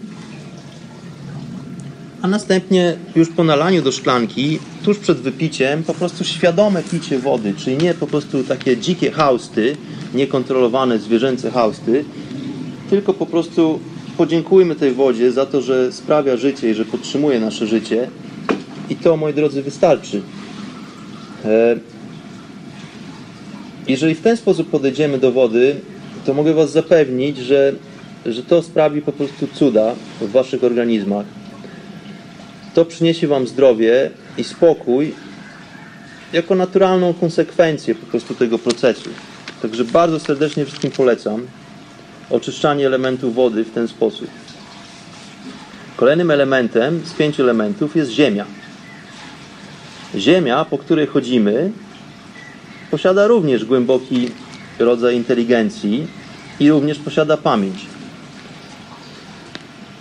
I to są takie rzeczy, które są, mm, o których sobie często nie zdajemy sprawy. To są jakieś takie mm, zachowania, które wydają nam się oczywiste, naturalne, aczkolwiek bardzo często podchodzimy do tego po prostu nieświadomościowo. Dlatego tutaj zalecam wszystkim po prostu chwilę e, podjęcie, podjęcie próby świadomego jak gdyby obcowania z Ziemią, z planetą Ziemią również. No i o co w tym tutaj wszystkim chodzi? Chodzi w tym o to, żeby po prostu jak najczęściej się po prostu uziemiać. Czyli to staje się problemem dla ludzi, którzy żyją, słuchajcie, w dzisiejszych czasach w miastach, w metropoliach, w betonowych blokach. I dla tych ludzi jest to szczególnie ważne, aby po prostu jak najczęściej mieć kontakt z mamą ziemią, na której żyjemy. I w jaki sposób mamy kontakt z ziemią? Najlepiej jest po prostu uziemiać się poprzez dłonie i poprzez nasze stopy. Dlatego, że to są swoistego rodzaju narzędzia, którymi dysponujemy jako ludzie.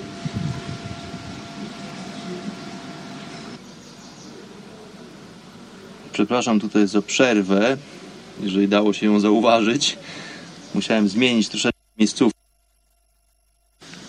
Taka już natura, słuchajcie, mojego, mojego szalonego reportażu. Po prostu jestem w plenerze.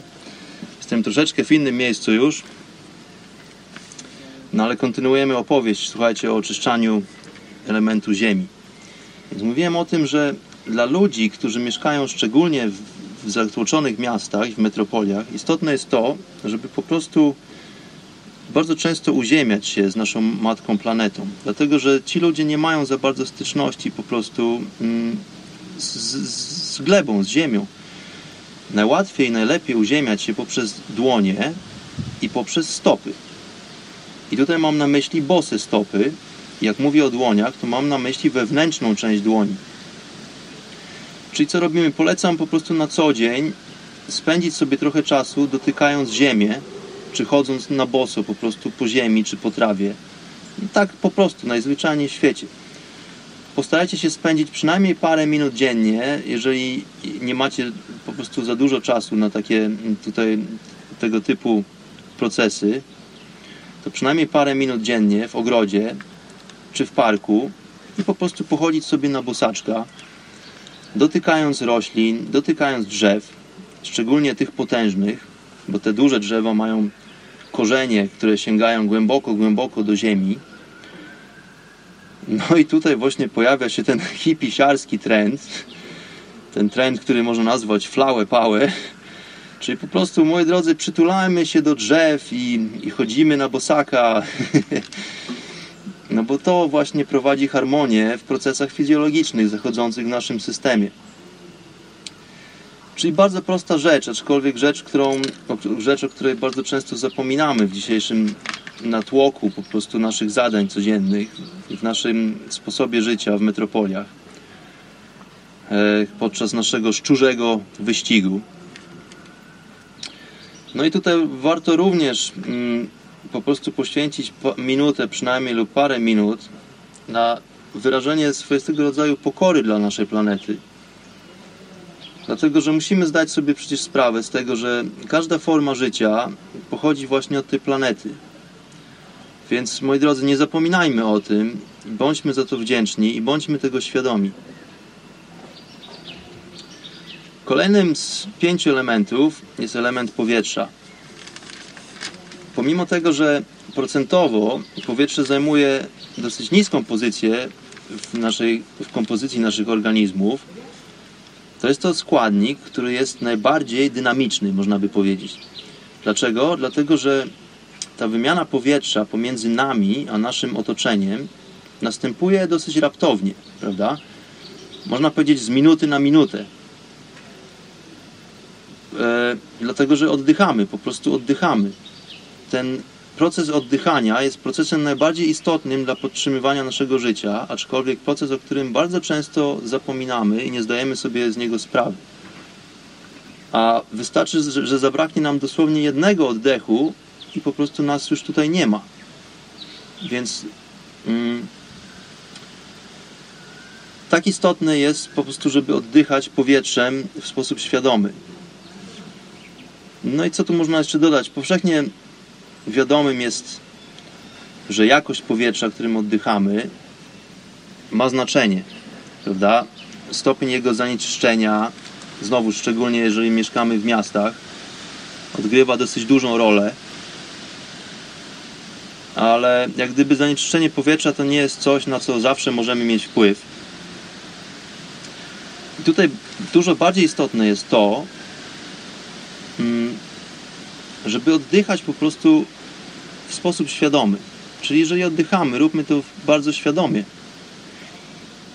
No i tutaj również zalecane są tradycyjne metody, o których wszyscy doskonale wiemy, aczkolwiek, e, bo to, jest, bo to jest po prostu taka yoga, tylko że nie zdajemy sobie z tego sprawy. Co zrobić, żeby po prostu oczyścić element powietrza naszego organizmu? No słuchajcie, nic innego jak po prostu spacerować. Regularne spacery, moi drodzy, w mniej zanieczyszczonych częściach miasta, czy w parkach, czy gdzieś nad rzeką, zalecane są przynajmniej raz w miesiącu. Jeżeli nie możemy tego robić na co dzień, jeżeli nie możemy tego robić nawet raz w tygodniu, to przynajmniej raz w miesiącu po prostu musimy wywlec się z tego miasta gdzieś na zewnątrz, udać się do lasu, wejść sobie gdzieś na jakąś górkę, czy popływać sobie w rzece, czy w jeziorku. Dlatego, że tutaj chodzi też nie tylko po prostu o bycie w czystym powietrzu, tylko o pewną dynamikę oddechu, czyli musimy zwiększyć tą dynamikę oddechu, żeby oczyścić płuca, a tym samym po prostu oczyścić powietrze, które funkcjonuje w naszych organizmach. No i tutaj nie trzeba robić zbyt wiele, dlatego że nasza swoistego rodzaju wewnętrzna forma inteligencji w organizmie ona sobie sama zadecyduje o tym, jak wykorzystać fakt, że właśnie na przykład jesteśmy za miastem, że jesteśmy w czystszej atmosferze i, i ten proces oczyszczania nastąpi samoistnie. Czyli nie za bardzo z naszym udziałem. My tylko musimy umożliwić po prostu warunki. A jeżeli natomiast mamy to szczęście, że żyjemy w czystym środowisku, mieszkamy gdzieś blisko lasu, to co możemy robić, to przynajmniej raz dziennie przez parę minut po prostu poddychać troszeczkę głębiej niż zwykle. Czyli nie forsujemy oddechu, tylko oddychamy po prostu troszeczkę głębiej. To co, moi drodzy? Poddychamy sobie przez chwilkę, świadomie. Dla stałych bywalców w chacie Mistyka to jest nic nowego, a dla nowych bywalców zapraszam, żeby, żebyśmy wspólnie po prostu zatrzymali się w tym pędzie, cokolwiek robicie w tej chwili słuchając podcastu, czy na żywo, czy też w swoim własnym czasie, po prostu zatrzymajmy się na chwilę i weźmy wspólnie trzy głębokie wdechy, po których to nastąpi, po każdym wdechu nastąpi oczywiście głęboki wydech. Moi drodzy, usiądźmy najlepiej z nogami skrzyżowanymi na podłodze. Jeżeli nie jest to możliwe, to usiądźmy w krześle. Nogi skrzyżowane są na wysokości kostek skrzyżowane są w ten sposób, że prawa noga jest jak gdyby z przodu, a lewa noga jest za tą prawą nogą, czyli nogi nie krzyżują się w kolanach, tylko krzyżują się przy ziemi w kostkach. W ten sposób, że prawa noga jest z przodu. Wyprostujmy plecy, zamknijmy oczy, połóżmy dłonie na naszych udach, ale skierujmy dłonie otwarte do góry. Palce są wyprostowane połączone i weźmiemy trzy i tylko trzy głębokie wdechy i wydechy, ale zrobimy to w sposób bardzo, bardzo świadomy. Po prostu myśląc o powietrzu, które kompletnie wypełnia nasze, nasze płuca i każdy wydech powoduje, że oczyszczamy totalnie nasze organizmy. Więc jeżeli jesteście gotowi, mam nadzieję, że nadal macie wyprostowane plecy i zamknięte oczy, weźmiemy pierwszy bardzo, bardzo głęboki wdech nosem i wypuszczając powietrze nosem, wydychając, zrelaksujemy się. Teraz weźmiemy drugi bardzo głęboki wdech nosem i wypuszczając powietrze nosem, zrelaksujemy się jeszcze bardziej. Czas na trzeci bardzo głęboki wdech nosem i wypuszczając powietrze nosem, zrelaksujcie się tym razem kompletnie.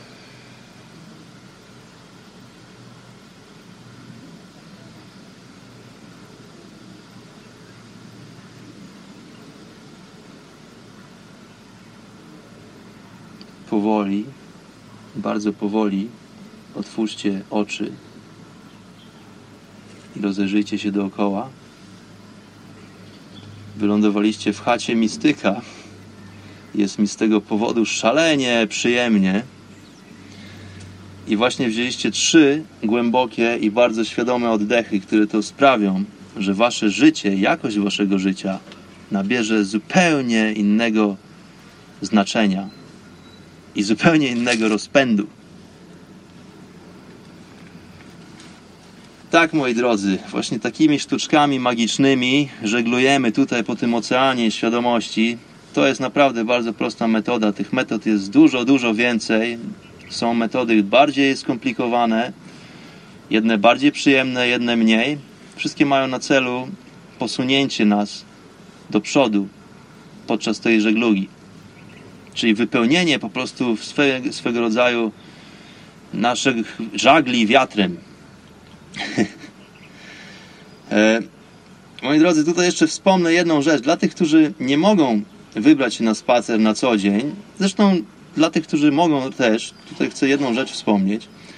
Polecam bardzo prostą praktykę jogińską, która się nazywa Nadi Shuddhi. Właśnie omówiłem o niej troszeczkę wcześniej. Jest pewien filmik na YouTube, który wyjaśnia, jak stosować tą metodę. Filmik jest po angielsku, aczkolwiek nie jest bardzo skomplikowany, także nawet tym, którzy nie władają językiem angielskim biegle, polecam bardzo ten filmik. I właśnie tam możecie nauczyć się, jak stosować pewną bardzo prostą i bardzo krótką technikę pod tytułem Nadi Shuddhi. Filmik na YouTubie nazywa się Yoga for Peace, czyli yoga dla pokoju. Myślnik Nadi Shuddhi. Nadi literuje się N-A-D-I, pierwsze słowo, i drugie słowo S, samo H, U, D, znowu D, samo H i I. Yoga for Peace, myślnik Nadi Shuddhi. Jest to bardzo prosta, aczkolwiek bardzo potężna technika, która jest częścią większej technologii zwanej jogą i polecam wszystkim bardzo gorąco po prostu nauczenie się te, tej techniki oddechowej. Jeżeli będziecie praktykować ją regularnie, to, to jestem, gwarantuję Wam, że za parę miesięcy, jak nie za parę tygodni nawet, po prostu Wasze życia się odmienią kompletnie i będziecie dużo bardziej zenergetyzowani, będziecie dużo bardziej zadowoleni z dnia codziennego, będziecie mieli po prostu więcej frajdy z funkcjonowania na tej planecie. Ale cóż, my posuwamy się dalej w oczyszczaniu naszych pięciu elementów. Kolejnym elementem z naszych czterech żywiołów jest ogień. Ogień jest naszym, również naszym składnikiem budulcowym, pomimo tego, że jest to tak mały procent, można by powiedzieć tutaj mm, w tym zestawieniu naszym procentowym. No i tutaj w, w przypadku tego elementu ognia bardzo istotne jest to, jaki rodzaj ognia płonie w tobie. Drogi słuchaczu, droga słuchaczko, drogi słuchaczku. Czy jest to płomień chciwości, czy jest to płomień nienawiści, a może gniewu, a może pożądania, a może jest to płomień po prostu miłości lub współczucia. Anyway, jeżeli oczyścisz element ognia, to tym samym zaopiekujesz się swoim zdrowiem fizycznym i mentalnym. Więc to jest również bardzo istotne, żeby pracować nad elementem ognia. Od tego właśnie zależy Twój spokój i Twoja kontrola umysłu, drogi słuchaczku. No i jak oczyszczamy element ognia? Prostym sposobem na oczyszczanie ognia jest po prostu najzwyczajniej w świecie opalanie się. Słoneczne. Dlatego, że jeżeli wystawiamy się na działanie promieni słonecznych, przynajmniej na chwilę codziennie, to to już bardzo, bardzo pomaga. No i o co w tym wszystkim chodzi? Moi drodzy, światło słoneczne nie może po prostu zostać zanieczyszczone. Dlatego, że my w naszym środowisku, żyjąc jako ludzie nieświadomi, spowodowaliśmy, że praktycznie każdy inny element w naszym środowisku wokół nas jest, jest już w jakiś sposób skażony. Prawda? Czy to ziemia, czy woda, czy powietrze. E, no a, a po prostu udało nam się wszystko na tej planecie wokół nas skutecznie w jakiś sposób zatruć.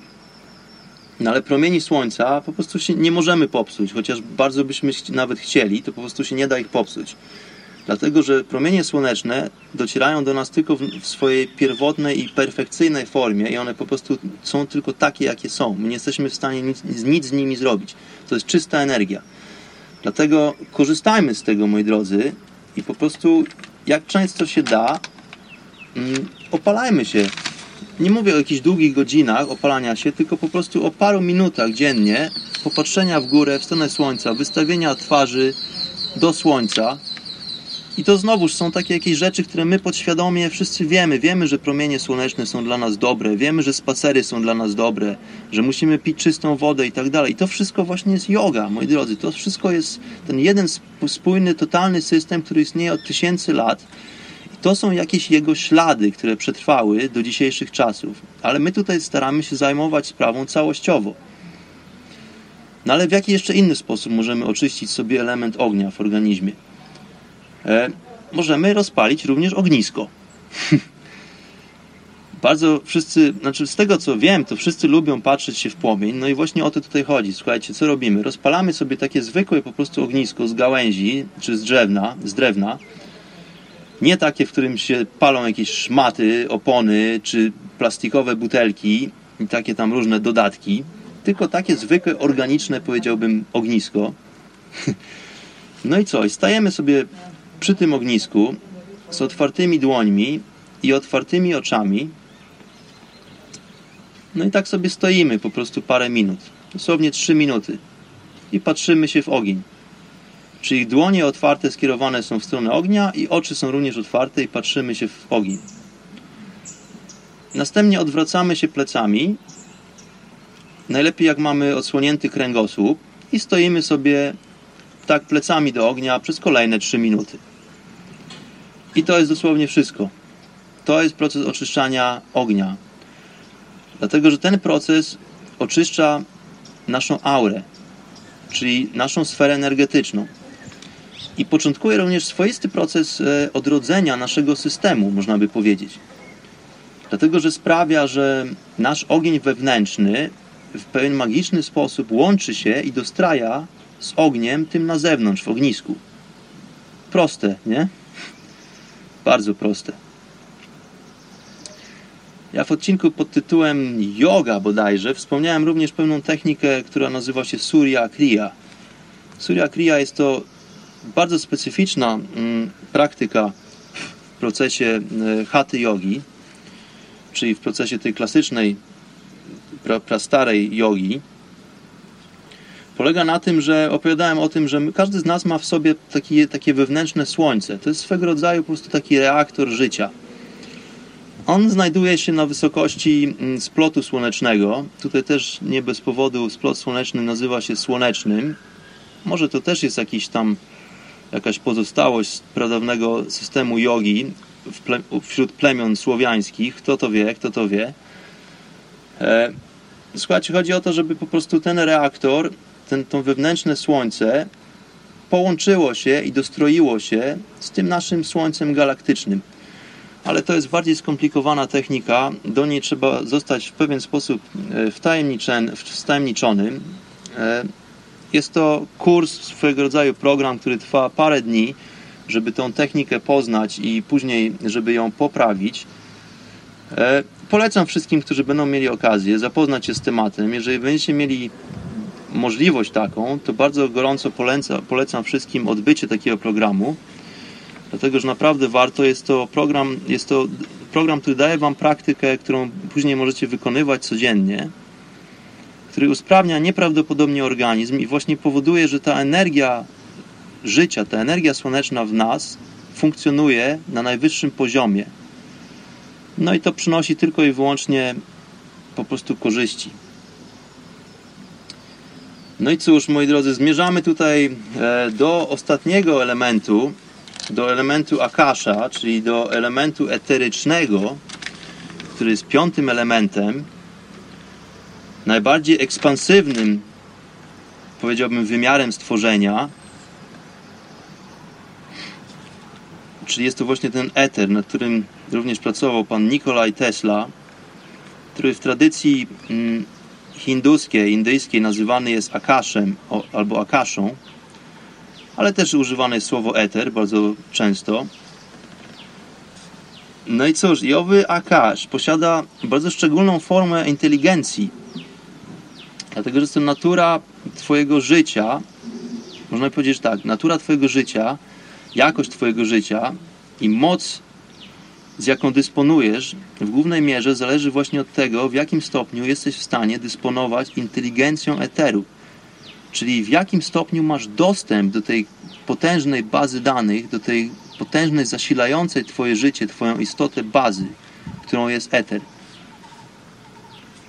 Teraz jak popatrzymy na pozostałe elementy, wodę, powietrze, ziemię i ogień, to ilość tych elementów w stworzeniu jest ograniczona. Czyli można by powiedzieć, że tych elementów jest tylko tyle, ile ich jest, prawda? One mają po prostu mm, jakieś ograniczone zasoby. Można by, można by to w ten sposób ująć. Natomiast eter, czy akash, ze względu na swój wymiar, jest praktycznie nieograniczony. On jest nieskończony. To jest nieskończona pustka. Czyli możesz jakby z niego czerpać ile chcesz, dlatego że jego zasoby są również nieograniczone. Więc tym samym im więcej z, niego korzystasz, tym bardziej poszerza się Twoja percepcja i wzmaga się Twoja inteligencja. I tu jak mówię o inteligencji, to nie mówię o tej inteligencji wyuczonej, wyczytanej w książkach, tylko o tej inteligencji właściwej, czyli inteligencji życia. O tej inteligencji, która zakodowana jest w każdej poszczególnej komórce i cząsteczce Twojego organizmu, jak również wszystkiego wokół Ciebie. I tu generalnie jako jeden z pięciu elementów eter nie wymaga właściwie żadnego oczyszczania, dlatego że my nie mamy po prostu na niego żadnego wpływu. Ale jeżeli chcemy zwiększyć nasz dostęp do eterycznej bazy danych, jest na to pewien sposób w wiodze. No i tutaj tym sposobem, moi drodzy, z Wami się chcę podzielić. Więc jest to bardzo prosty proces. Polega on na tym, że tuż po wschodzie słońca, zanim słońce przekroczy kąt 30 stopni, jedyne co musisz zrobić, to popatrzeć w niebo i po prostu się ukłonić, tak szczerze, do Akash. I ukłoń się i podziękuj po prostu za to, że jesteś. Tutaj i teraz. Podziękuj za to, że jest ta magiczna siła, która utrzymuje cię w twojej formie i sprawia, że ani ty, ani ta planeta nie rozpadacie się na czynniki pierwsze. Jest po prostu coś bardzo magicznego, coś bardzo potężnego, co trzyma, co zespala was wszystkich tutaj do kupy. Pomimo tego, że ty się rozpadasz miliony razy na sekundę, jest nadal ta potężna forma, która cię zespaja, która trzyma cię w kupie i w całości. Więc to robisz rano, później w ciągu dnia, kiedy słońce jest już wysoko na niebie, popatrz do góry, znowu zatrzymaj się na chwilę i znowu pokłoń się nie do słońca, tylko do Akasz. I później po zachodzie słońca, trzeci raz, w okresie do 40 minut po zachodzie słońca, uczyń to ponownie. Taki prosty, aczkolwiek bardzo szczery gest, moi drodzy. Tutaj nie chodzi o żadne modlenie się do słońca, o bicie pokłonów, tylko po prostu o chodzi o taką chwilkę świadomości, docenienia tego, że jesteśmy tutaj w takiej formie, że nie jest to nasza zasługa. E, po prostu zwykła, czysta pokora. Jeżeli zaczniesz to praktykować na co dzień, drogi słuchaczu, drogi słuchaczku, Twoje życie może wkrótce zmienić się w bardzo pozytywny sposób. Jeżeli zdołasz sprawić, że Akash zacznie współpracować z Twoimi życiowymi energiami, to Twoje życie może nabrać zupełnie innej, bardzo magicznej dynamiki. A może, nawet a może nawet udać się uzyskać dostęp do pewnej potężnej, kosmicznej inteligencji, o której do tej pory nie miałeś pojęcia. No i to tyle właściwie, moi drodzy. Tutaj jeszcze muszę wspomnieć o pewnym procesie, który to służy oczyszczaniu pięciu elementów, zwanym Bhuta Shuti, który jest podstawą wszystkich praktyk jogi, tych duchowych praktyk.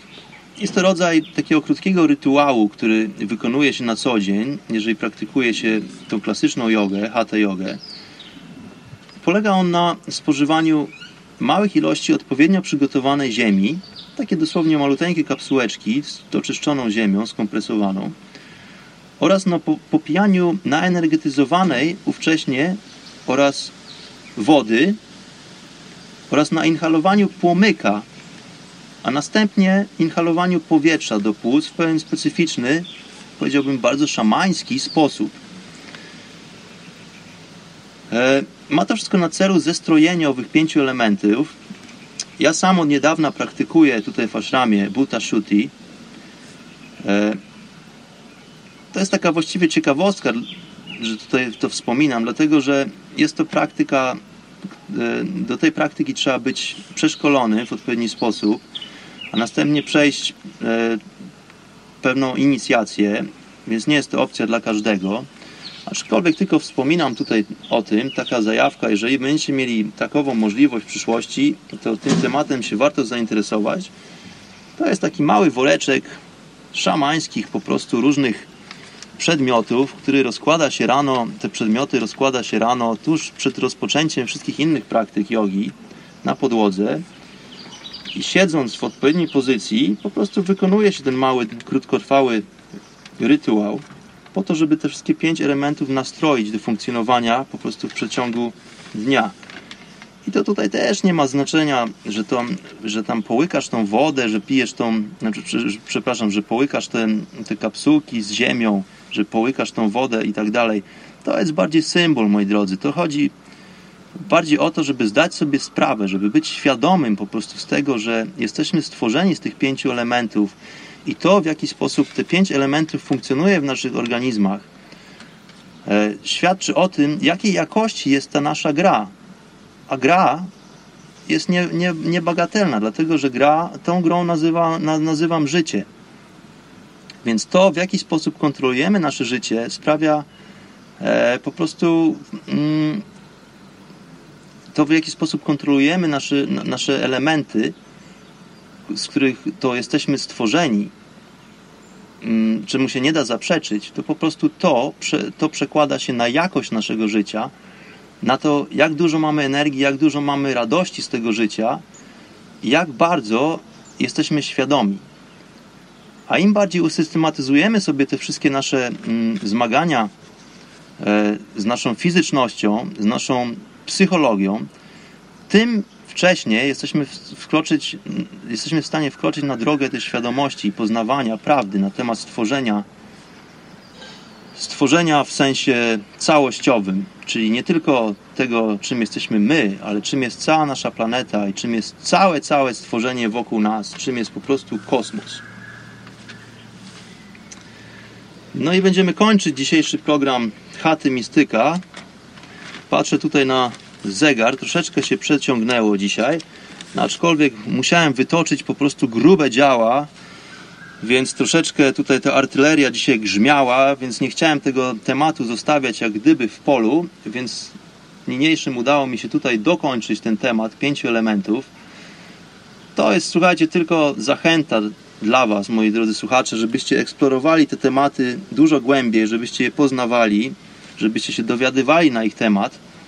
Będziemy o nich mówić sobie jeszcze w przyszłości. Póki co tylko taka zajawka.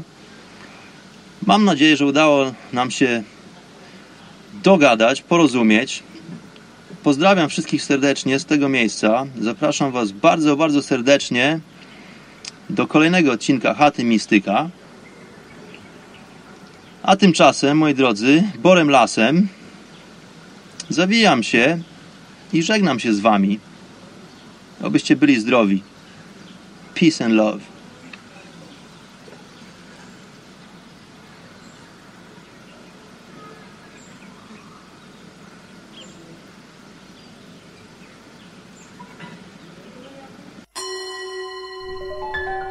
W szerokim oceanie świadomości znajduje się wyspa.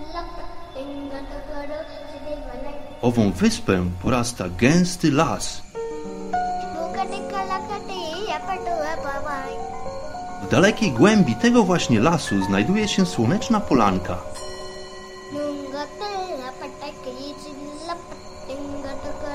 Przy tej oto polance, w gorących promieniach słońca stoi sobie pewna magiczna chata.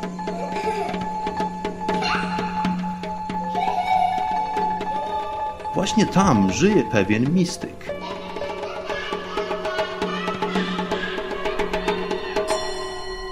Mam na imię Bart i zapraszam wszystkich serdecznie do wysłuchania programu Chata Mistyka.